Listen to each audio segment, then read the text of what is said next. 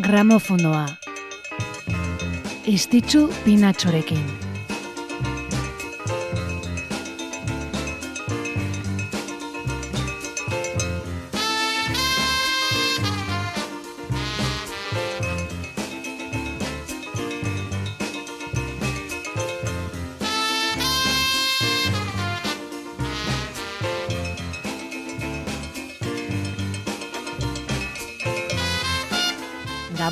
Naiz irratiko entzuleak, Gabon eta ongi etorri gramofonora. Martxan dugu, denboraldi berria, urriaren bortzean eman genion hasiera, joan den asteazkenean, ego euskal herrian beste egune izanik etzen saiorik izan, bino gaur bai, gaur hementxe gaude, kantuak labean sartzeko puntuan mikrofonoa piztuta, ahotsa berotuta eta efemerideak aireratzeko prest. Gogoratu aurten, asteazken arratsetan ariko garela, amarretan hasita, bino igandetan ere, arratsaldeko bortzetan berriro emitituko dugu saioa, eta alere, aditzeko aukerarik izan ez duenak, lasai, gaur egun den dena grabatua gelditzen baita, eta naiz irrateko webgun, webgunean edota podcast plataforma nagusietan ere topatuko gaituzu eta. Gehiago luzatu gabe, az gaitezen gaurko gramofonoarekin.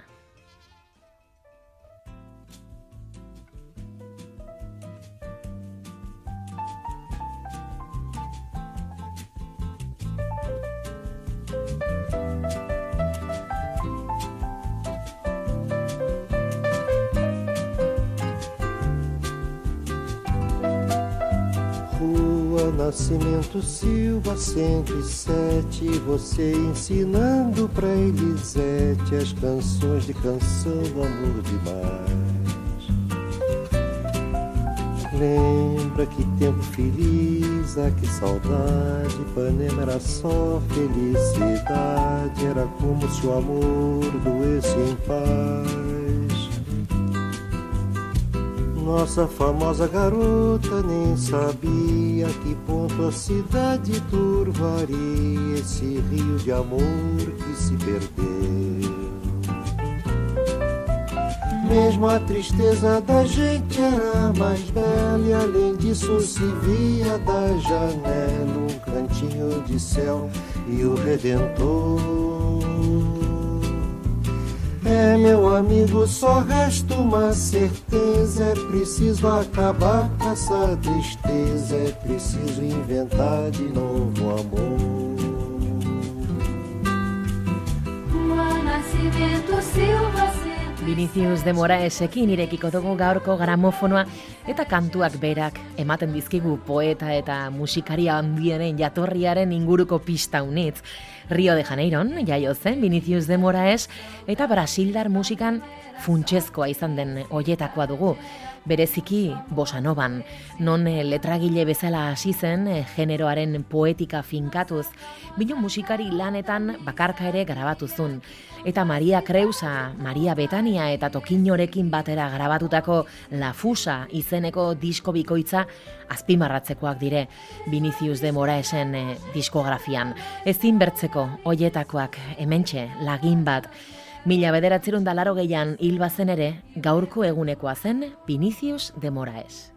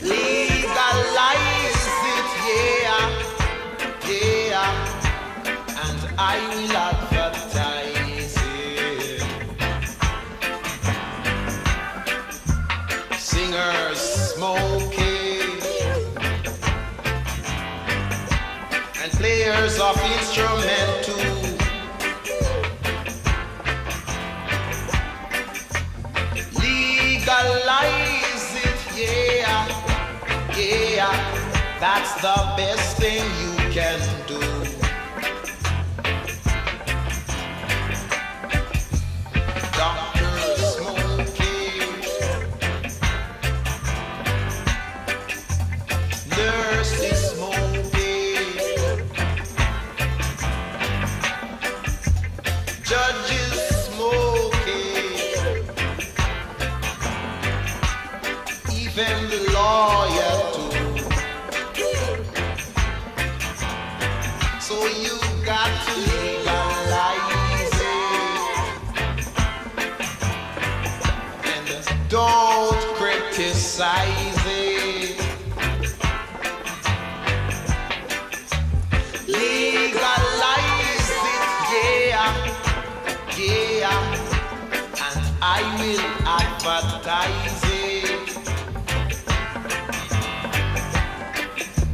Good for the food.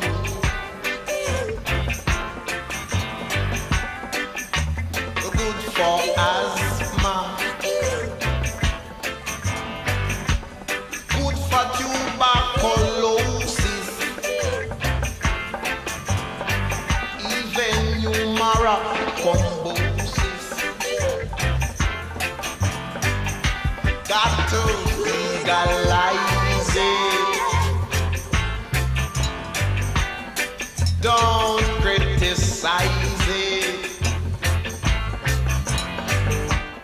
Eta bertze doinu honek ere eman dizkigu ba pista de xente asmatzeko legalizit honekin eh, nora joanen garen. Mila bederatzireun da berrogeita lauan jaio zen Lincolnen, Jamaikan, eh, Peter Tosh. Rigiaren figura nagusietako bat. Mila bederatzireun da irurogeita irutik aintzinera The Wailers taldeko kide izan zena, bino larogeita, irurogeita amalauan barkatu, ameka urte beranduago, lendabiziko diskoa prestula bakarkako bideari ekin zion, Eta Bob Marleyk eh, gainerako rigi musikariei nolabiteko itzala egin bazien, etzen ala gertatu Peter Toshekin. Peter Tosh etzen atzian gelditu eta bere lanik onenen artean aditzen ari garen hausia adibidez, Legalize It. Bino baditu bertze disko batzuk ere nabarmentzekoak direnak, Equal Rights, eh, Mama Africa, edota Live at the One Love Peace Concert eh, zuzeneko albuma. Larogeita zazpian zendu zen, bino Peter Toshere gaurko egunekoa zen.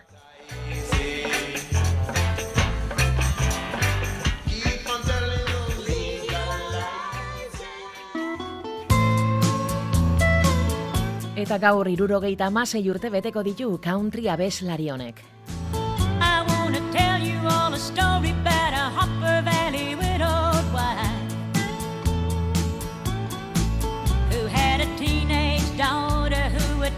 Hopper Valley Junior High.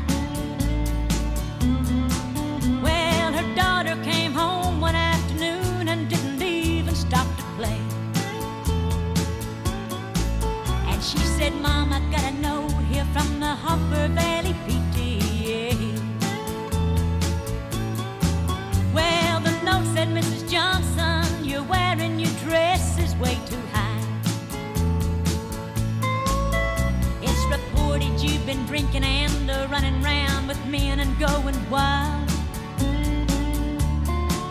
And we don't believe you ought to be uh, bringing up your little girl this way.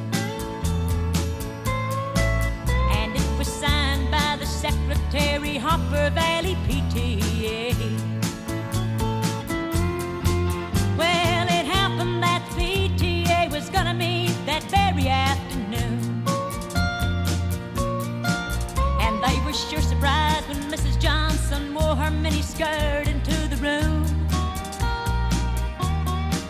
And as she walked up to the blackboard, I can still recall the words she had to say. address this meeting of the Hopper Valley PTA. Well, there's Bobby Taylor sitting there, and seven times he's asked me for a date. And Mrs. Taylor sure seems to use a lot of ice whenever he's away. And Mr. Baker, can you tell us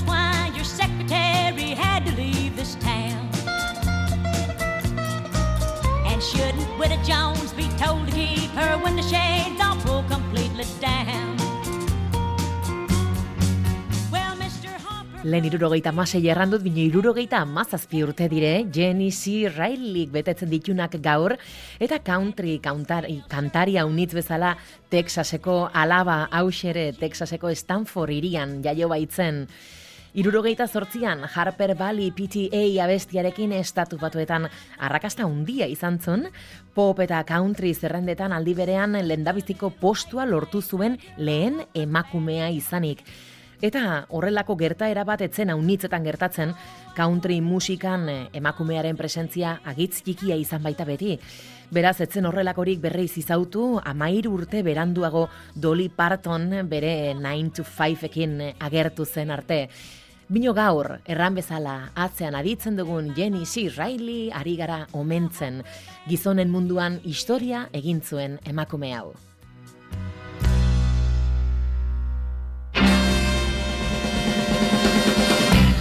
Eta irurogeita mazazpi urte beteko ditu baita ere gaur bertze diba haundi honek. I feel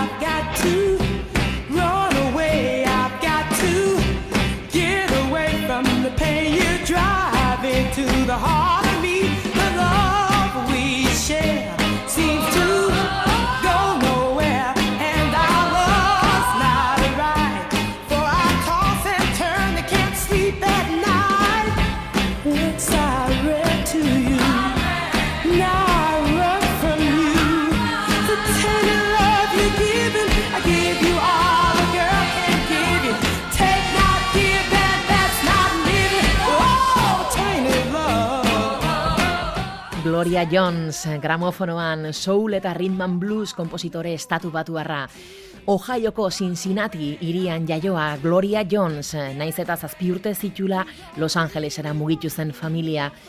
Irurogeita lauan bere lehen diskoak grabatu zitun hoien artean Tainted Love, abestiaren lehen bertsio hau, urte batzuk beranduago Soft Shell Britainiarrek moldatu eta ezagun egin zutena. Bino ezagutu dezagun, pixkot geixiago Gloria Jones. Motown Recordsen hasi zen lanean Laverne Wern ez izenarekin, eta bertan The Supremes, eh, Marvin Gaye, Diana Ross, Gladys Knight, edota The Jackson 5 bezalako artistentzako abestiak idatzi zitun. Beranduxeago Mark Bolanekin ezkondu zen eh, T-Rex eh, glam rock taldeko liderrarekin eta seme bat ere izan zuten. Milo mila bederatzireun da amazazpian auto istripu bat izan zuten Gloria Jones gidari zela eta ber- bertan hiltzen Mark Bolan. Eta hori gutxi balitz, Gloria Jones ospitalean zela istripu hark eh, utzitako ondorioetatik osatzen Mark Bolanen jarraitzaileak eh, fanatismoak bultzatuta edo bien azen etxean bortxan sartu eta haren gauza gehienak lapurtu zituzten. Azken urteotan, Gloria Jones eh, zinemako musika gainbegirale gisa aritzen da lanean, hau da, eh, pelikuletan agertzen den musikaren eskubideak aukeratzeaz, negoziatzeaz eta legez kudeatzeaz arduratzen da. Eta gainera, 2008an, bere semearekin, Mark Bolan izeneko musika eta zinema eskola sortuzun Sierra Leonan. Gauza unitz egindakoa beraz, Gloria Jones.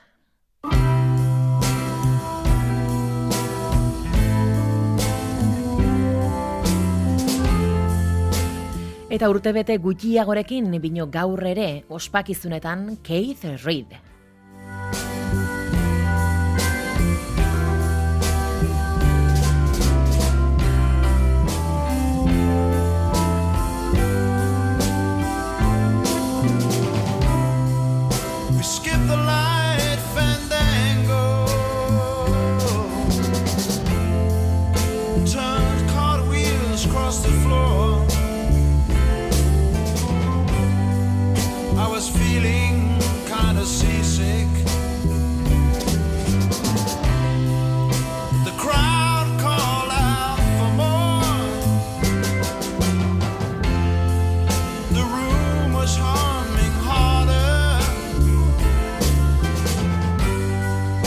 as the ceiling flew away.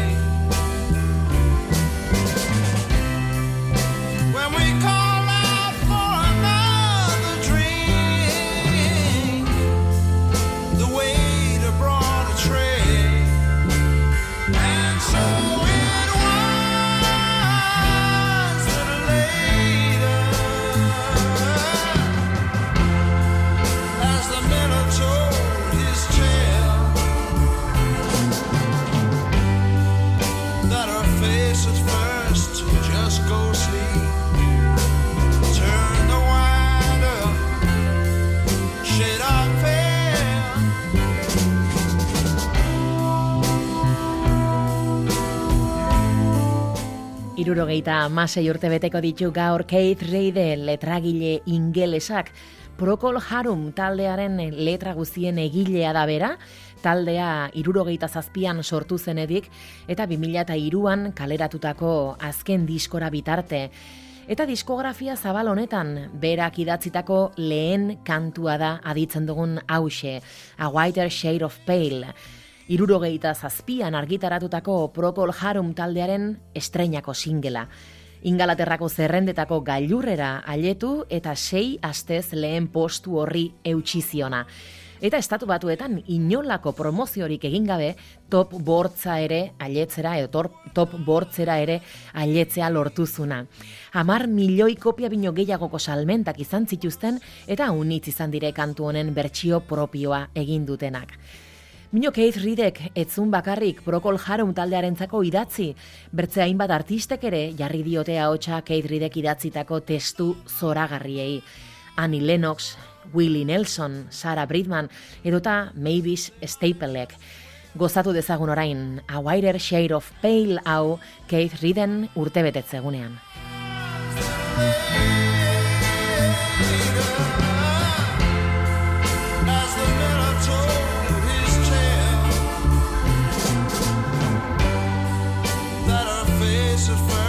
just go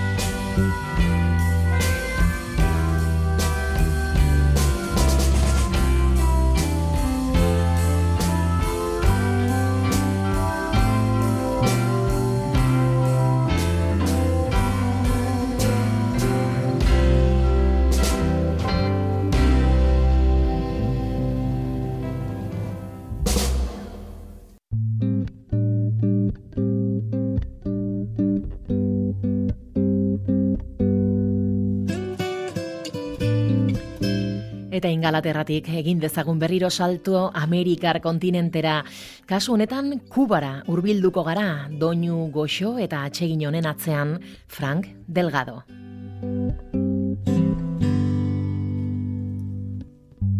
Loco porque te provoco y hago comentarios en tus seminarios. Juego de oponente ya contracorriente, pescando un desliz.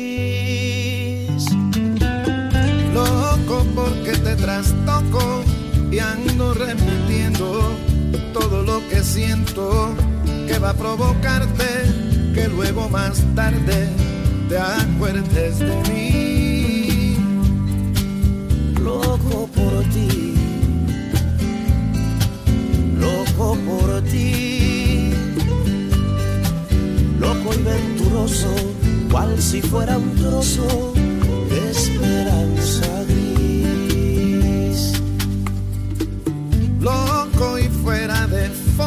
paso de delirios, prefiero el martirio de un buen mal intento que ser ornamento cual vulgar tapiz. Loco por ti, loco por ti, loco y venturoso cual si fuera un trozo de esperanza gris. Que perder y voy modificándome las ganas. Quiero ser lo que tú quieras y no la piedra en tu sangría. Loco, si te descoloco con no estar de acuerdo, estarás sintiendo que me estoy muriendo por libar tus besos como un colibrí. Loco por ti, loco por ti,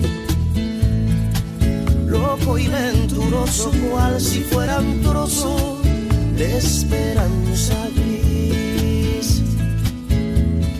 Loco, loco, loco, loco, loco, loco, loco y venturoso cual si fuera un trozo esperanza gris.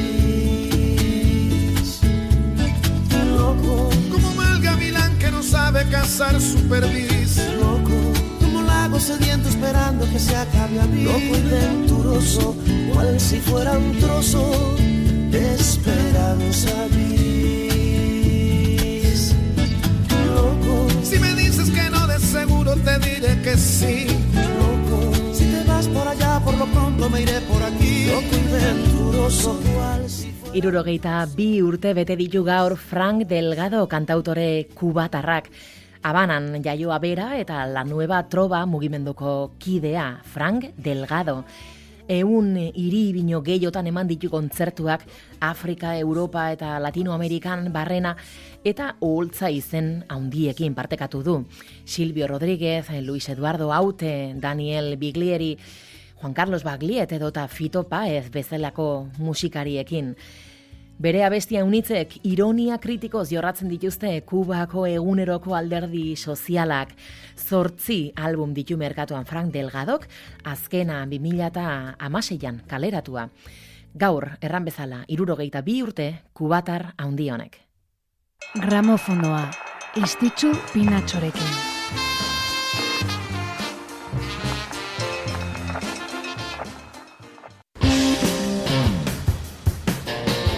Eta giroz, estiloz, intensidadez, baita erritmoz ere guztiz aldatuta, hause da, The Real Me, The Who.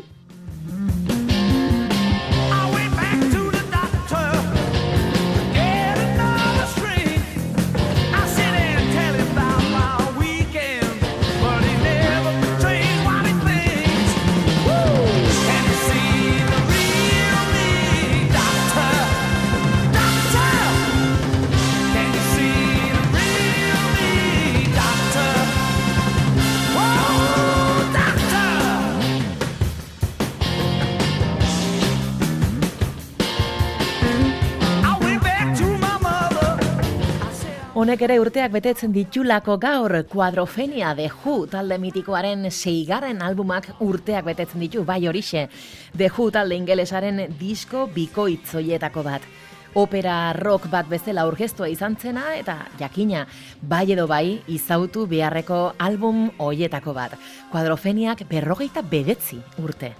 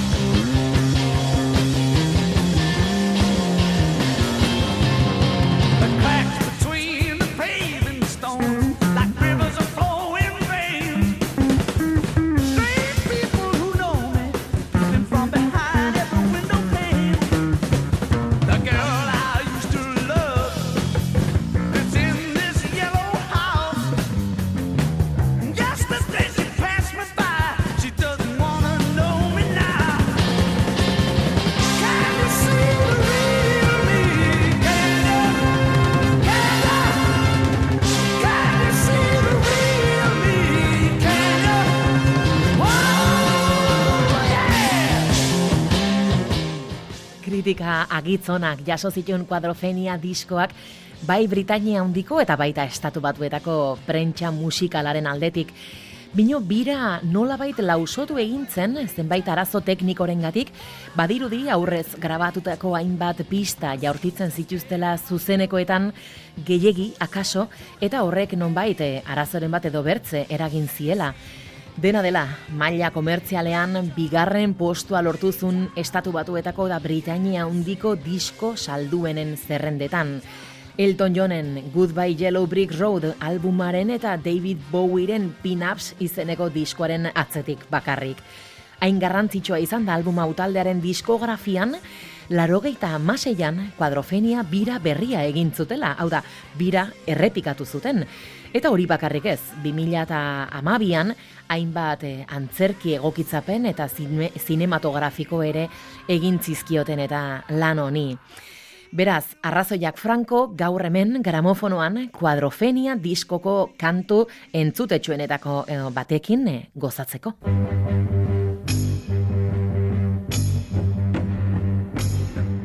Eta gaurko irratsaioa bukatu talde musikari handi baten konpainian eginen dugu.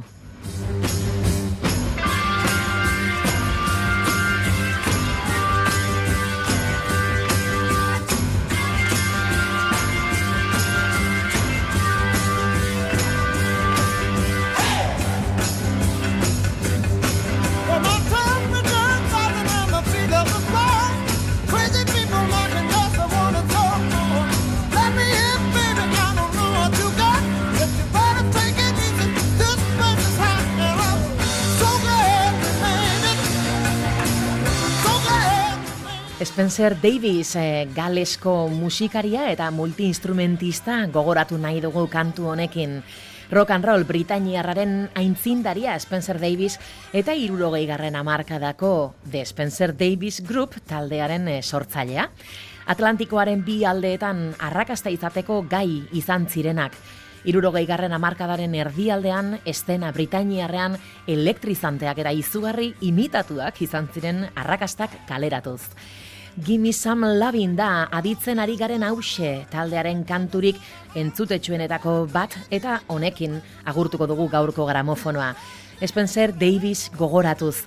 Izan ere, bi urte bete dire gaur Britainia handiko ospitale batean, larogeita bat urte zitula pneumonia batek jota zendu zela.